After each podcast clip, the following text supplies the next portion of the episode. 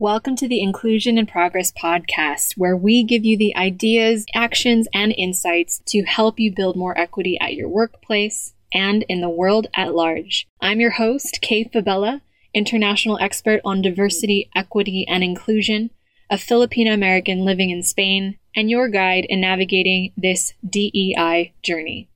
Having worked with teams at companies such as Philips, the IMF, Red Hat, PepsiCo, and more, I know firsthand that the work of inclusion only works when everyone has a seat at the table. Regardless of your personal entry point into this conversation, your race, ethnicity, gender, ability, age, sexual orientation, country of origin, or educational background, we all have a role to play in creating inclusion for all. And it starts with us having conversations we need to create the change we wish to see. So let's dive into today's episode.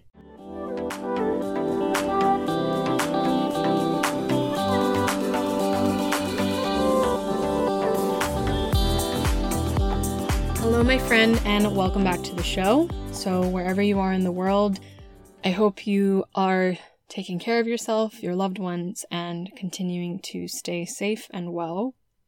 Speaking of which, as this episode goes live, my team and I are actually taking a mental health break to pour back into ourselves because now that we're heading into the halfway mark of 2021, which, oh my gosh, where's the time going?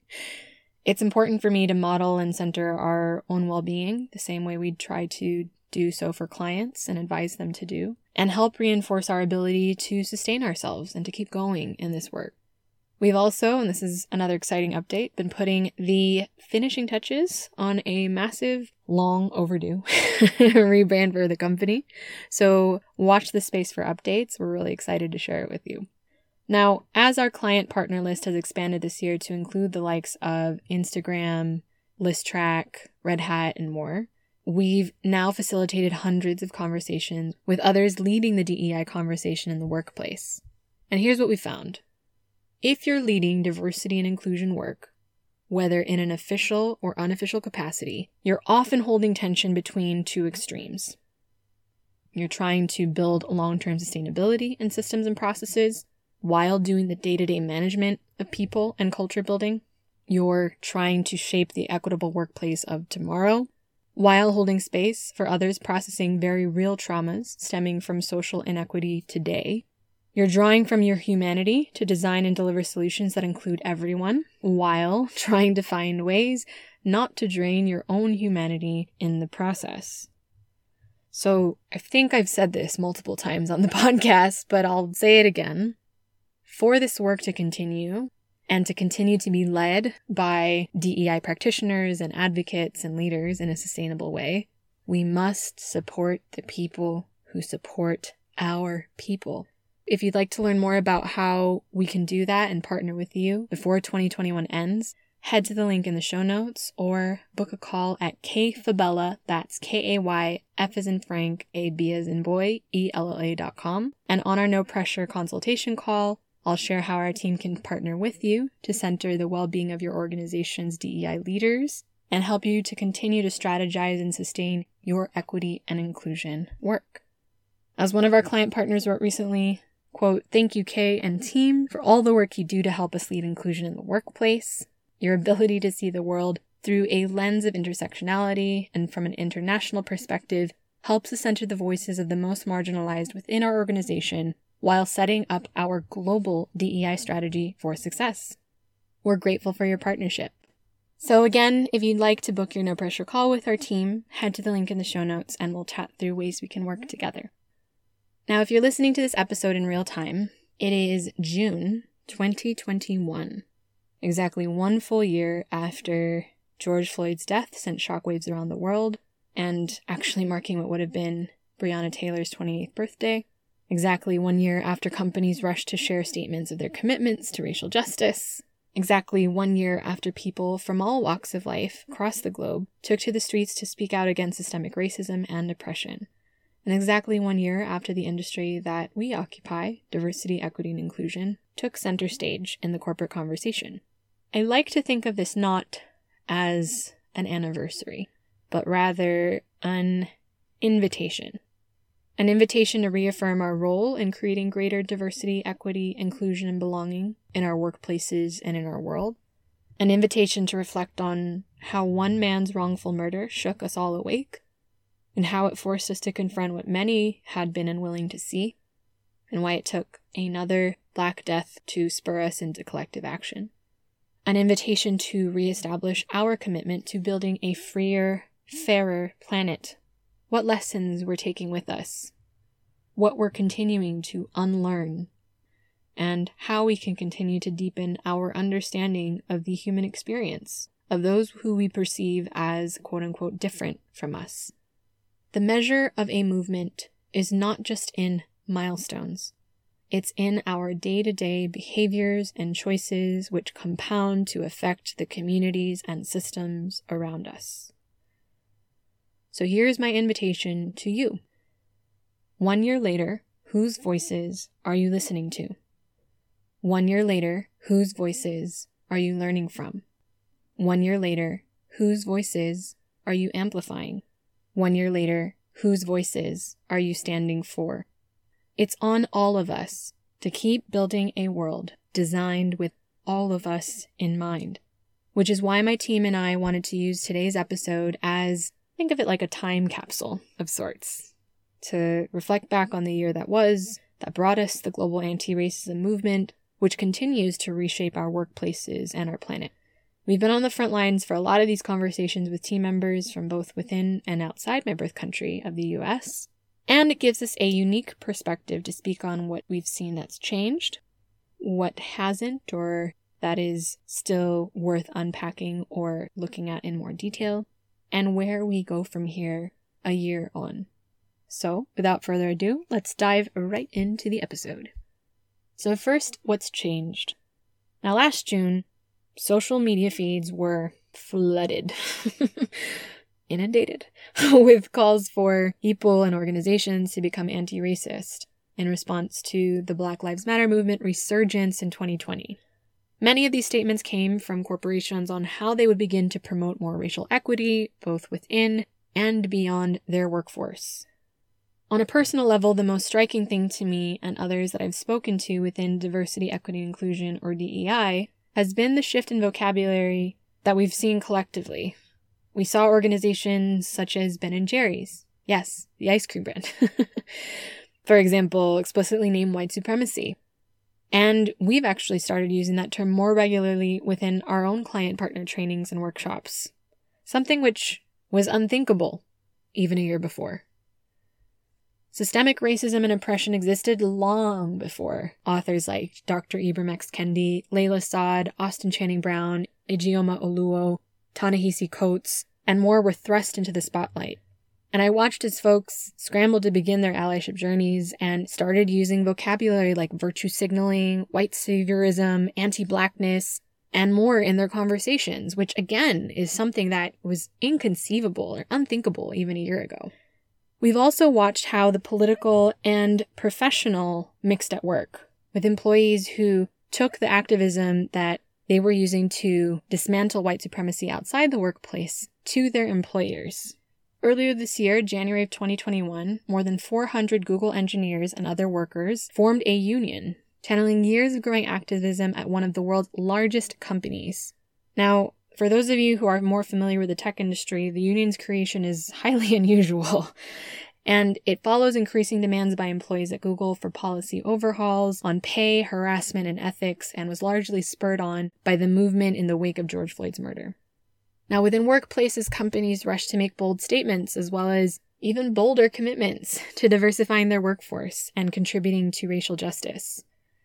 According to a recent CNBC article, tech companies like Airbnb, Amazon, Shopify, TikTok, Intel, Cisco, and Microsoft have met or exceeded the financial pledges they made in 2020 to racial justice groups, such as the NAACP Legal Fund, the Equal Justice Initiative, the Black Lives Matter Foundation, and more.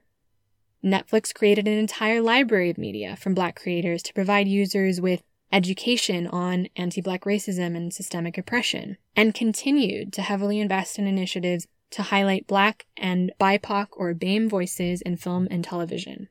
Other companies cited in the article made public commitments to increase diverse representation in their leadership teams, audited the diversity of their suppliers and partners, and increased partnerships and programs to expand their talent pipelines, such as partnering with HBCUs or historically black colleges and universities.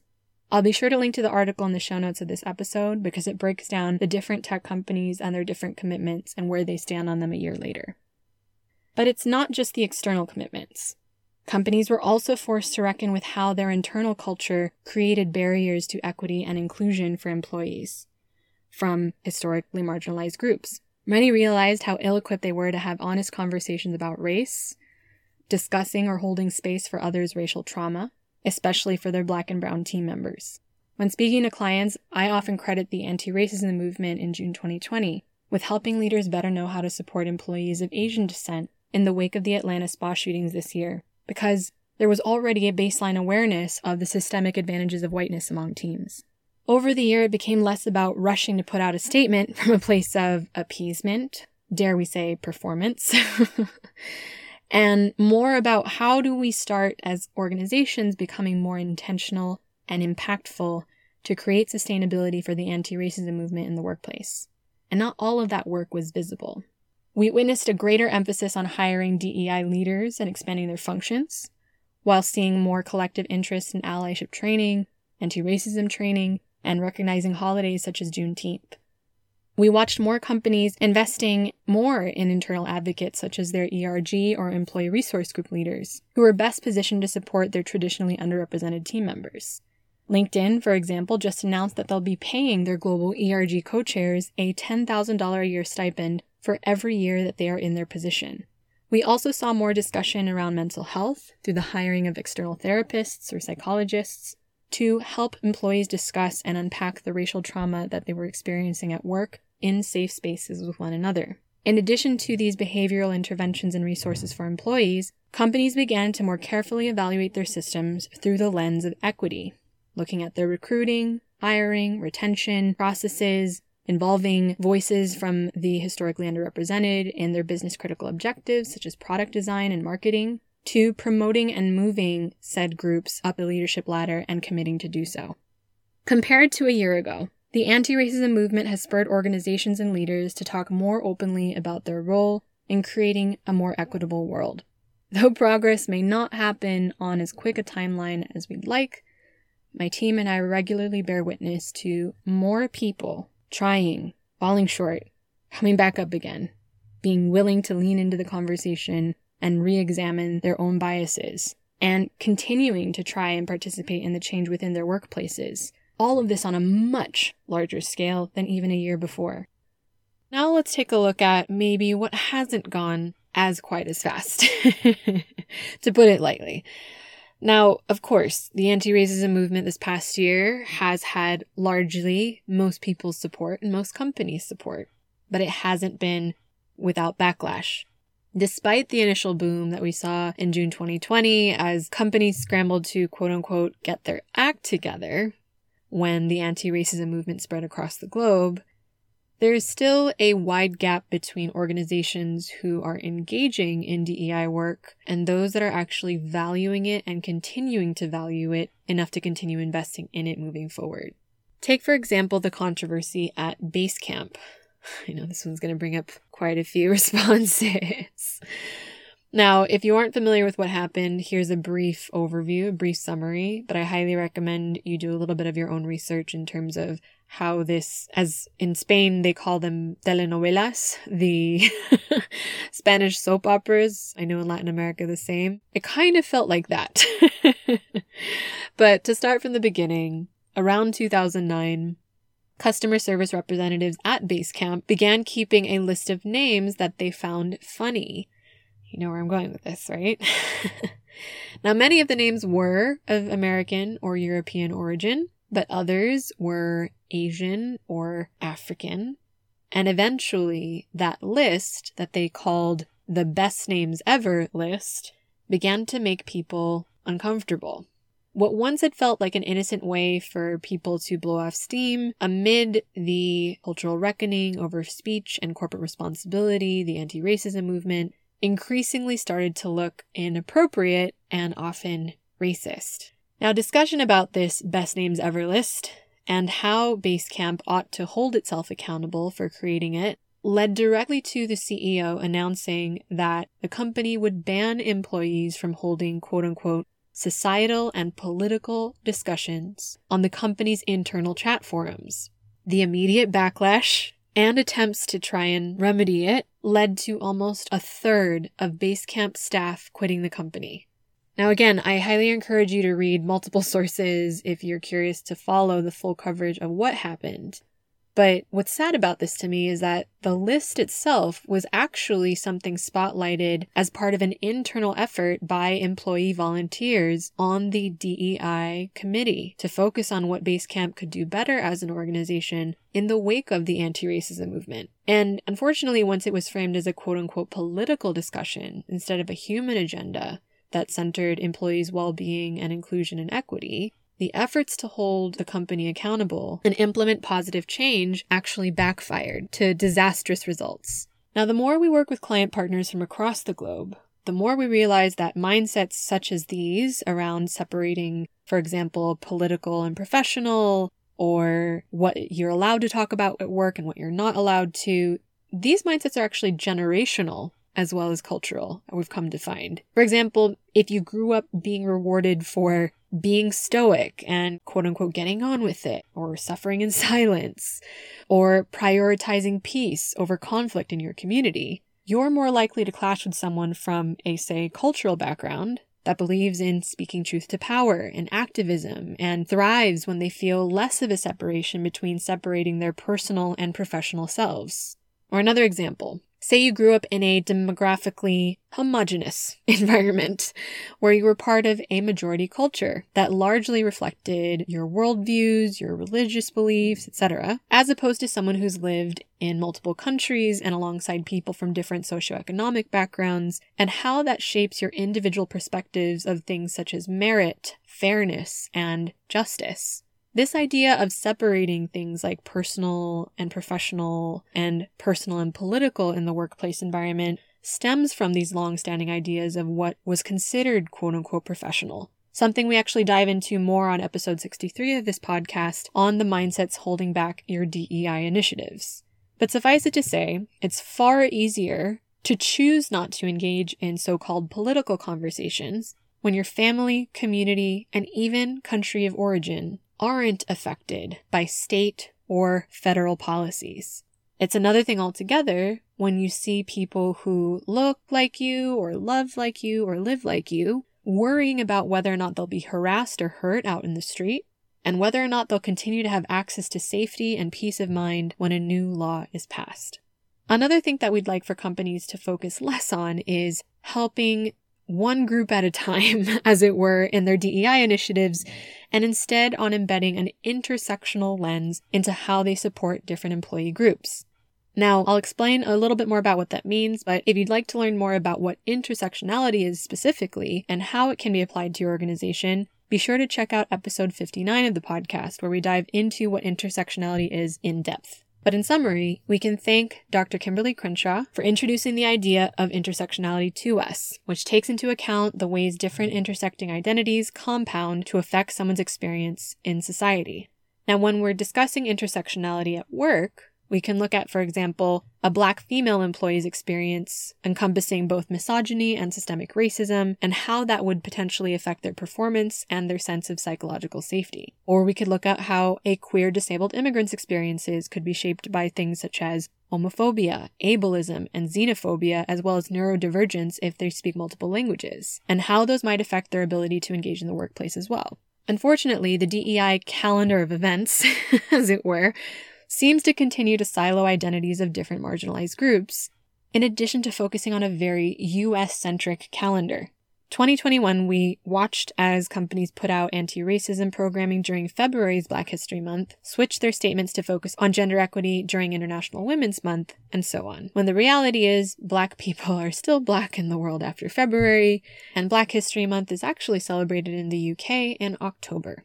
While companies are changing their logos to rainbows for Pride Month in June, while few are acknowledging country specific initiatives such as National Indigenous History Month in Canada. While I understand the motivation behind honoring each of these populations in this way, the reality is actually twofold. First, the DEI awareness event calendar forces us to simplify narratives about identities when most of our employees actually occupy one or more identity boxes, depending on where you are in the world. And second, instead of addressing accountability, companies may end up focusing on the performance of change rather than the implementation of the changes needed to create greater equity and inclusion. We saw this play out in real time when we saw a rise in anti Asian harassment and violence due to Asians being unfairly blamed as the cause of the coronavirus pandemic. And companies started putting out statements against quote unquote anti Asian hate without necessarily knowing how to define it internally for their employees. One professional we spoke to, who was of South Asian descent, felt conflicted about watching the focus on anti Asian hate center on those who looked more physically East Asian i.e., Chinese, Japanese, Korean, etc., while watching her employer stumble to put out communication about the horrific death toll in her parents' home country of India, which is also part of the Asian continent. Most people conflate Asians as one monolith. I've known from previous experience as well, instead of the mosaic of cultures that we inhabit. And as I shared in a recent LinkedIn carousel, the AAPI or Asian American Pacific Islander identity box actually includes 48 nationalities, 49 if you include Russia. Now, if you want to check out that carousel that I shared on my LinkedIn page, head to the show notes so you can see what I'm talking about. Holding fast to this DEI awareness event calendar rather than focusing on embedding intersectionality into a company's events, systems, processes, and behaviors could continue to perpetuate this idea of oppression Olympics among marginalized groups. Because the message you begin to hear as someone from a historically excluded group is this attention for my identity group has an expiration date within my organization. And therefore, the burden is on me to make a colossal effort to educate people during the limited window that I have, which over time can erode the sense of belonging and trust in you as their employer, can lead them eventually to burnout, and eventually even lead to them leaving for a position where they feel more fully seen and acknowledged at work, which is the last thing that we want and goes directly against what equity and inclusion initiatives are here to do. Now, if you've been listening to this podcast for a while, you'll know that I'm a fairly optimistic person, and I choose hope over cynicism every day, even when it's hard. And we're fortunate to have team members and client partners who also feel the same way. So, with that in mind, here are a few ideas for what I think comes next for organizations, especially given that we're one year into the global anti racism movement. First, evidence shows that centering historically excluded groups in our initiatives, in policies, in processes, leads directly to higher retention, greater representation in leadership, more diversity, and better business outcomes. A great example of this was Go FlyEase, Nike's first hands free shoe. Now, even though it was designed with accessibility in mind, so the wearer just needs to slip their foot in and push down in order to put it on, the idea of the shoe garnered mass market appeal and attention. Not only that, but seeing an example of how a company, however imperfectly, centered around the too often overlooked disabled community in their product design, is inspiring other product focused brands to do the same. This same line of thinking can be applied to creating more equity at work by understanding all the ways an individual who occupies one or more marginalized identity groups in the workplace can be centered in the conversation. Now, if we center diversity, equity, and inclusion initiatives on how to make the experience of a non native English speaker at work, for example, more equitable, the happy side effect could be that sales teams in non US locations also have access to tools that they need to more effectively sell software and meet quarterly goals more effectively with access to language and cultural tools that allows them to perform at their job better. Or if we revisit our office design, while centering the devout Muslim employee who needs a place to shut their eyes for a few minutes while fasting during Ramadan before returning to work, our more introverted employees or those who struggle with ADHD may also benefit from having a quieter place to work when noise around their desk gets too distracting, leading to a more productive workplace overall. Next, we should center humanity in workplace compliance. For example, while many client partners hire us to think proactively about equity and inclusion, sometimes we're hired to work reactively. when exclusionary behavior, to put it lightly, causes damage to a company's culture or reputation. And though that is definitely the exception and not the norm, there are still many companies approaching DEI from a compliance first standpoint, which leads to them reacting to crises instead of working to anticipate them. Instead, we can look at how we reinforce our values and behaviors regularly through the systems we've built in our workplaces. Are we empowering our middle managers with tools to run more effective meetings and one on ones for employees struggling with mental health in the wake of the pandemic? Are we providing clear, anonymized channels of feedback for team members to share when they've experienced microaggressions or harassment in the workplace? Are we regularly updating our employee benefits packages to include time off for family emergencies and obligations, physical and mental health challenges, as well as non Christian holidays? And are we regularly giving our people leaders the tools and time they need to implement those tools to model inclusion in the workplace as demographics shift and as multicultural populations grow? Finally, the last piece is the need for companies to understand that culture is influenced by country of origin as well as company values. I'm thinking of a recent off the cuff episode with Trevor Noah, who I adore, when he was diving into the latest chapter in the Palestinian Israeli conflict, where he said, The world needs to be aware of what happens in the US, but the US doesn't need to be aware of what happens in the rest of the world. It's something I've seen daily in the 11 years that I've been living here in Spain, and it's something that we've seen happen in real time in the wake of the anti racism movement. The biggest demand we saw from clients who reached out to us was support in quote unquote translating or transcreating the Black Lives Matter conversation to their non US offices. Many team members expressed various levels of resistance to the so called DEI agenda from the North American context stating everything from things like, quote, racism is just a problem in the US, to, quote, how can the US office tell us what to do when they don't have any idea how racism looks like, insert country office here. And even though it's easy to say, well, of course anti racism is the right thing to do, no matter where you are in the world, we have to remember the entry points into the anti racism conversation vary widely from country to country. Some have never learned about their role in colonization, some are hyper aware of their history of colonization and enslavement. Some think that their team is already diverse enough when there are different passport holders at the table. Some think that asking about team members' ethnic backgrounds, sexual orientations, or other identifiers is offensive, given their country's history with using that data to perpetuate genocide. Some consider anti Semitism or discrimination against Gaelic or Roma people, for example, in the EMEA region, as part of the racism conversation. And the list goes on. What I've consistently found when I've experienced resistance from non US based teams when delivering client engagements over the past year is this.